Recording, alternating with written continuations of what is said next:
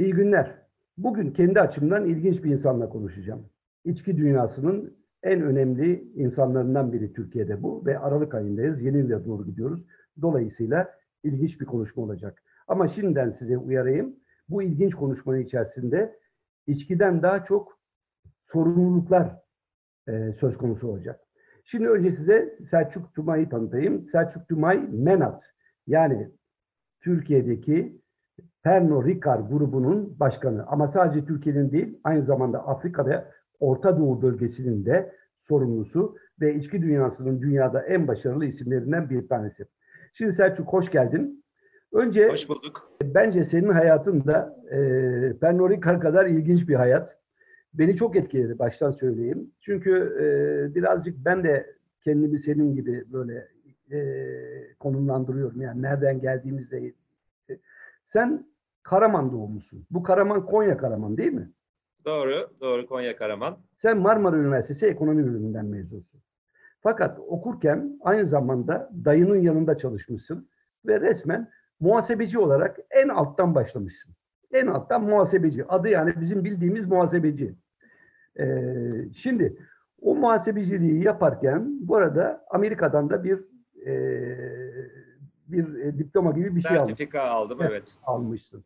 Fakat asıl dikkatimi çeken buradan başlayıp ondan sonra Ernst Young gibi büyük bir uluslararası e, danışmanlık şirketinin de Türkiye'de çalışmaya başlamışsın. Şimdi benim bildiğim, ben çok çalıştım Hürriyet'in genel yayın yönetmeni ve CEO'su olarak bu tür danışmanlık şirketleriyle. Buraları genellikle Ivy League denilen Amerika'nın en üst düzey üniversitelerinin, Harvard'ların, Columbia'lıların falan e, egemen olduğu ve başkalarının sokmadıkları bir alandır. Sen nasıl Marmara Üniversitesi mezunu bir genç olarak bu kastın, bu nomenklatüranın, bu klikanın içine girebildin?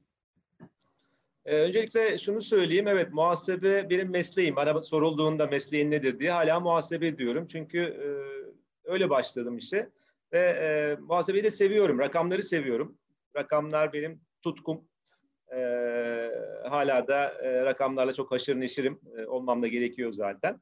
E, dediğin e, konuya gelirsem şöyle, e, birincisi e, Marmara Üniversitesi'nde ben İngilizce okumadığım için e, İngilizcemin e, eksik olduğunu ve bunu tamamlamam gerektiğini çok erken fark ettim. Ve bu yönde çok büyük bir çaba sarf ettim. E, artık üniversiteyi bitirdiğimde bir yabancı şirkette çalışacak kadar İngilizcem olmuştu. Yani Hatta sen de askerliğimi... sen de İngilizceyi benim sen de İngilizceyi benim gibi küçük okullardan değil daha sonra öğrenenlerdensin. Ben de Fransa'ya gittikten sonra geliştirdim yani. Kendi, kendi çabamla işte kitap okuyarak, film seyrederek, e, kurslara giderek öğrendim. Hatta e, askerliğimi yaparken tercüman olacak kadar da iyi bir seviyeye gelmiştim. Yani tercüman kurasıyla Kıbrıs'ta yaptım askerliğimi. E, dolayısıyla yani bu e, İngilizce bana çok kapı açtı diyebilirim. Yani, yani yabancı değil. E, o zaman bundan 30 sene, 35 sene öncesinden bahsediyoruz. Daha da az bilen vardı. Bence birinci e, etki budur o şirkete girmemle alakalı. İkincisi de ben çok e, ne istediğimi çok iyi biliyordum dediğim gibi rakamları çok sevdiğim için, muhasebeyi çok sevdiğim için zannediyorum bu tutkumu, e, istediğimi, arzumu da aktarabildim benimle iş görüşmesi yapanlara.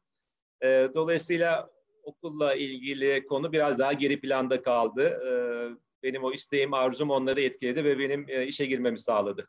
Şimdi Selçuk, e, sizin şirket hikayenizde e, benim dikkatimi çeken ve çok hoşuma giden bir bir ayrıntı gördüm ben. MENAT yani sizin Asya, şey Afrika, Orta Doğu ve Türkiye bölümünü yöneten şirket, şirketin adı MENAT değil mi? Yanılmıyorum değil mi? Doğru, doğru. MENAT. Evet. MENAT'ın yönetim kurulunda dört kadın varmış. Kaç kişiden dördü kadın? E, altı kişiden dördü kadın. E, gene bu bölge için e, çok olağan bir durum değil takdir edersin ki. E, ama Fas'ta bir genel müdürümüz var kadın. Arap MENA bölge Arap ülkesindeki evet, şirketinin başında bir kadın var. Aynen Faslı bir e, kadın var. MENA bölgesinde 10 tane ülke var. Irak'tan başlayıp e, Tunus'a kadar giden. Bu 10 ülkenin başındaki genel müdürümüz kadın ve Türk. Benim pazarlama direktörüm kadın. İnsan kaynakları direktörüm kadın. Fas'ın genel müdürü kadın. MENA'nın genel müdürü kadın. Bir tek finans direktörü ve ben azınlıkta kalıyoruz. Yalnız Selçuk sana bir şey söyleyeyim. Fransa'da bu şirketin müdürü olsaydın başına bir bela gelebilirdi. Neden biliyor musun? Geçen hafta Fransa Belediye, e, Paris Belediye Başkanı'nın başına bir iş geldi. Hükümet 90 bin euro ceza kesti Paris Belediyesi'ne. Nedeni ne biliyor musun? 2012 yılında Fransa bir kanun çıkardı. Bu kanuna göre ama kamusal kamusal çalışma yerlerinde. Orada özel sektör değil. Sen özel sektör olduğun için yırtabilirsin belki ama o tabii sizi de etkiler. Fransa'da kamusal alanlarda çalışan yöneticilerin ve oranı bütün çalışanların oranında hiçbir cinsiyetin oranı yüzde altmışı geçemez diye bir kanun çıkarttılar. Bu kanun aslında bu kanun aslında kadınları korumak ve kadınların şeyini arttırmak için çıkarıldı. Fakat Paris Belediye Başkanı bir kadın. Sosyalist bir kadın ve ikinci defa seçildi. Ve ikinci defa seçilirken seçim kampanyasını ben Paris'i feminist bir başkent yapacağım diye yaptı. Ve 16 üst düzey yöneticisinden 11'ini kadın tayin etmiş. O yüzden ceza yedi. Yani kadınları korumak için çıkarılan bir kanunu şey o da gitmiş e, mecliste e, belediye meclisinde demiş ki maalesef ceza yediğimizi size gururla açıklamak istiyorum.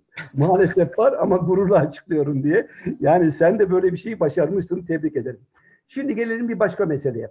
Bence artık... Pardon hemen bir sözünü kesmek istiyorum burada. Yani burada e, kadınların bir kayırılması söz konusu değil. Tamamen işlerini e, çok iyi yaptıkları için, layıkıyla, e, hak ettikleri için bu yere, bu yere geldiler. Hani bizim özellikle kadın alalım gibi bir tabii ki destek oluyoruz ayrı bir konu ama yani buradaki e, oluşumun tamamında yüzde yüz hak ettikleri için oldukları yerdeler. Bunu da belirtmek istiyorum.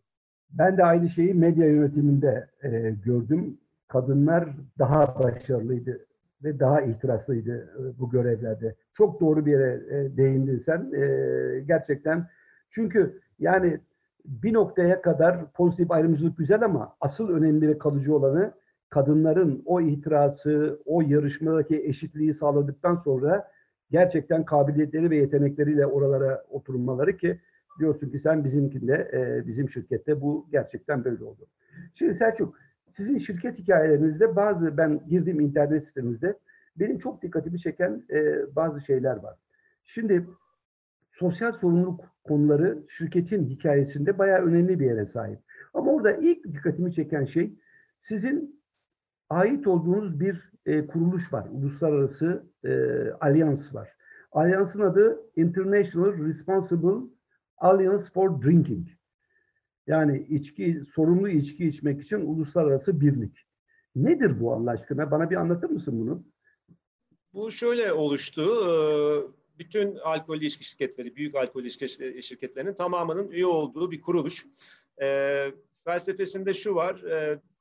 Bizim sorumlu tüketimi teşvik etmiyor ediyor olmamız lazım. Kendi kendimizi regüle ediyor olmamız lazım ve bütün şirketlerin belli bir platformda bunu savunuyor olması lazım. Yani çıkış noktası budur. Ee, dediğim gibi eğer sektörler kendi kendilerini regüle etmezlerse dışarıdan regülasyon, gelen regülasyon çok daha e, sert olabiliyor ve haksız olabiliyor. E, bu yüzden şirketler de bu konuda bir inisiyatif aldılar ve bu platformu oluşturarak el birliğiyle, hepsinin e, ortak girişimiyle e, bir takım sosyal sorumluluk projelerini beraber yürütüyoruz. Yani uyarıyorsunuz şeylerinizi, içki içerken nasıl davranılması gerekir falan. Bu konuda birçok faaliyetiniz var herhalde değil mi? Yani böyle. Tabii bunun çok boyutu var. Yani sorumlu üretimden, e, hani üretimde kullanılan suyun, e, enerjinin sorumlu kullanılması, azaltılması, işte bu karbon e, tüketiminin azaltılmasından e, çıkıp yerel e, tarımın desteklenmesine kadar giden bir üretim boyutu var. E, tabii fabrikalarımızın gene aynı şekilde e, enerjinin enerji e, azaltması söz konusu. Bir de insan boyutu var, tüketici boyutu var. Orada da e, tüketicilerimizi eğitmek, uyarmak ve onların sorumlu tüketmesini sağlamak gene bizim en önemli e, amaçlarımızdan bir tanesi. Peki e, sizin işbirliği yaptığınız vakıflardan bir tanesi. Orada da plastik ekonomi konusunda bir e, çalışmanız var bu vakıfla birlikte ve bir de bütün e, tüketicilerinize ve dünyaya taahhütte bulunmuşsunuz. 2021 yılında e, artık plastikten tamamen arındırılmış bir şirket haline geleceğiz diye. Şimdi araya bu pandemi falan girdi. Bunu tutabilecek misiniz? Yani bu çok önemli çünkü dünyada şu anda plastik herkesin herkesin e, mücadele ettiği bir şey. Mesela benim giydiğim sneakerlardan bir tanesi adını vermeyeyim şimdi burada reklam olmasın ama e, çok ünlü, dünyadaki en önemli 2-3 markadan bir tanesi. Bu okyanusa giden plastik şişeleri, pet şişeleri toplayıp bunlarla dönüşebilir bir madde elde edip e, sneaker yapmış. Ben bunu gururla giyiyorum ayağımda ve herkese anlatıyorum. Yani çok da güzel rengarenk bir şey yapmışlar böyle. Şimdi siz gerçekten 2021 yılında bu plastikten tamamen arınabilecek misiniz? Yoksa pandemi bunu biraz geriye atacak mı? Biz e, tamamen hayatımızdan çıkartabileceğimize inanıyoruz. Aslında hedefimiz 2023 yılıydı ilk baştan koyduğumuzda. Fakat e, hem konunun aciliyetinden dolayı hem de kaydettiğimiz e, başarıdan dolayı diyeyim süreç oldukça e, iyi gelişti. Biz 2021 taahhüdümüzü tutacağımıza inanıyoruz. Tamam. O zaman gelelim biraz da pandemi dönemini konuşalım. Çünkü pandemi hepimizin hayatını çok köklü biçimde etkiledi ve etkilemeye devam ediyor. Hatta ikinci dalgadan sonra ben kendi kendi psikolojimden de olmak üzere artık olumsuz etkilerini görmeye başladık bir sürü alanda. Ve tabii böyle durumlar genellikle dünyada içki tüketiminde arttırabilme e, potansiyeli taşıyan bir şey. Nitekim kuzey ülkelerinde, Rusya'da falan bunun ciddi bir alkol tüketiminde artış var. Şimdi siz pandemi döneminde ne yaptınız? O zaman sosyal sorumlulukları yüklenen bir şirket olarak siz ne yaptınız pandemi döneminde? Bir de bu pandemi döneminden tabii çok olumsuz etkilenen sektörler de var. Sizin çok iş yaptığınız. Yani barlar, restoranlar falan. Dolayısıyla oralarda da krizin en çok yaşandığı yerler onlar. Hatta New York'ta, Amerika'da, şurada, burada, Türkiye'de de. E, Kaya Demirel'le konuşuyorum ben Türkiye Restoranlar Birliği Başkanı'yla falan. Restoranlar çok zor durumda, çalışanları çok zor durumda, barmenleri çok zor durumda. Yani bu arada siz neler yaptınız? Biraz onu anlatır mısınız bize? E, tabii ki ya biz hem globalde e, bir takım inisiyatifler aldık. Yani fabrikalarımız alkol üretti birçok şirketin de yaptığı gibi. E, bunları ücretsiz olarak e, hükümetlere devrettiler, verdiler e, ve bunlar e, kullanıldı hijyen anlamında. E, fakat Türkiye'ye baktığımızda tabii ki senin de bahsettiğin gibi en büyük e, sıkıntı, e, acil sıkıntı e, yeme içme sektöründeki işsiz kalan e, çalışanlardı. Yaklaşık e, 2 milyon çalışandan bahsediliyor. Çok ciddi bir rakam. E, Kaya da dediğin gibi bu konuyu çok fazla gündeme getiriyor sürekli. E, biz e, özellikle çok yakın çalıştığımız, sponsor olduğumuz noktalardan da başlayarak 1500 tane çalışana destek olmak istedik. Bunu Nisan ayında yaptık. Ve şimdi tekrar ediyoruz bir daha bir kapanma olduğu için. Yani bu şekilde bir elimizden geldiği kadar çalışamayan bu sektör çalışanlarına destek olmaya çalışıyoruz. İkincisi de tabii sektörün kendisine yani şirketlere, işletmelere çok toleranslı davrandık. Yani o dönemde ciddi miktarda tabii ki alıcı, ticaretimiz vardı, alacaklarımız vardı ve bu alacakları e, neredeyse süresiz bir şekilde erteledik. Bunların üzerine hiç düşmedik. E, ne zaman işler açılır, ne zaman ticaret eskiye döner o zaman alırız gibi bir yaklaşımla yaklaştık. Selçuk bu da bir yatırım biliyor musun? Bu da geleceğe yönelik önemli bir yatırım. Yani insanların zor döneminde yanında olup şirket olarak gücün varsa yanında durup e, onların desteği çünkü o, o sektörü yaşadığı zaman siz de yaşıyorsunuz. Yani bu bu kadar yani hepimiz bir e, simbiyosis içerisindeyiz böyle beraber e, artık kimse kendini tek başına kurtaramıyor. Hepimiz bağımlıyız yani. Benim çalıştığım şirket giderse ben de gidiyorum. Benimle beraber başka insanlar da gidiyor. Başka sektörler de gidiyor. O bakımdan. Peki bir şey soracağım ben. Şimdi barlar. Yani bir böyle e, uzun bir masa gibi bir şeyin etrafında öbür tarafında bir tane barmen var. Bu tarafında da insanlar tünüyorlar. Orası dünyada, bütün dünyada en önemli sosyalleşme mekan, mekanlarından bir tanesi. Şimdi orada o barmenler de kaybetti işini falan.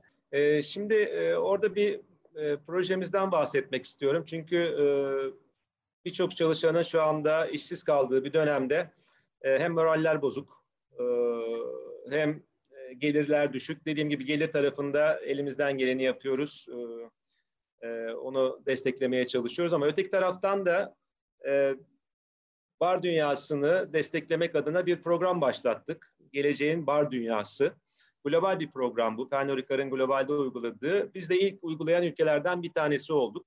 Amacımız burada şu, e, barların daha sürdürülebilir hale gelmesi.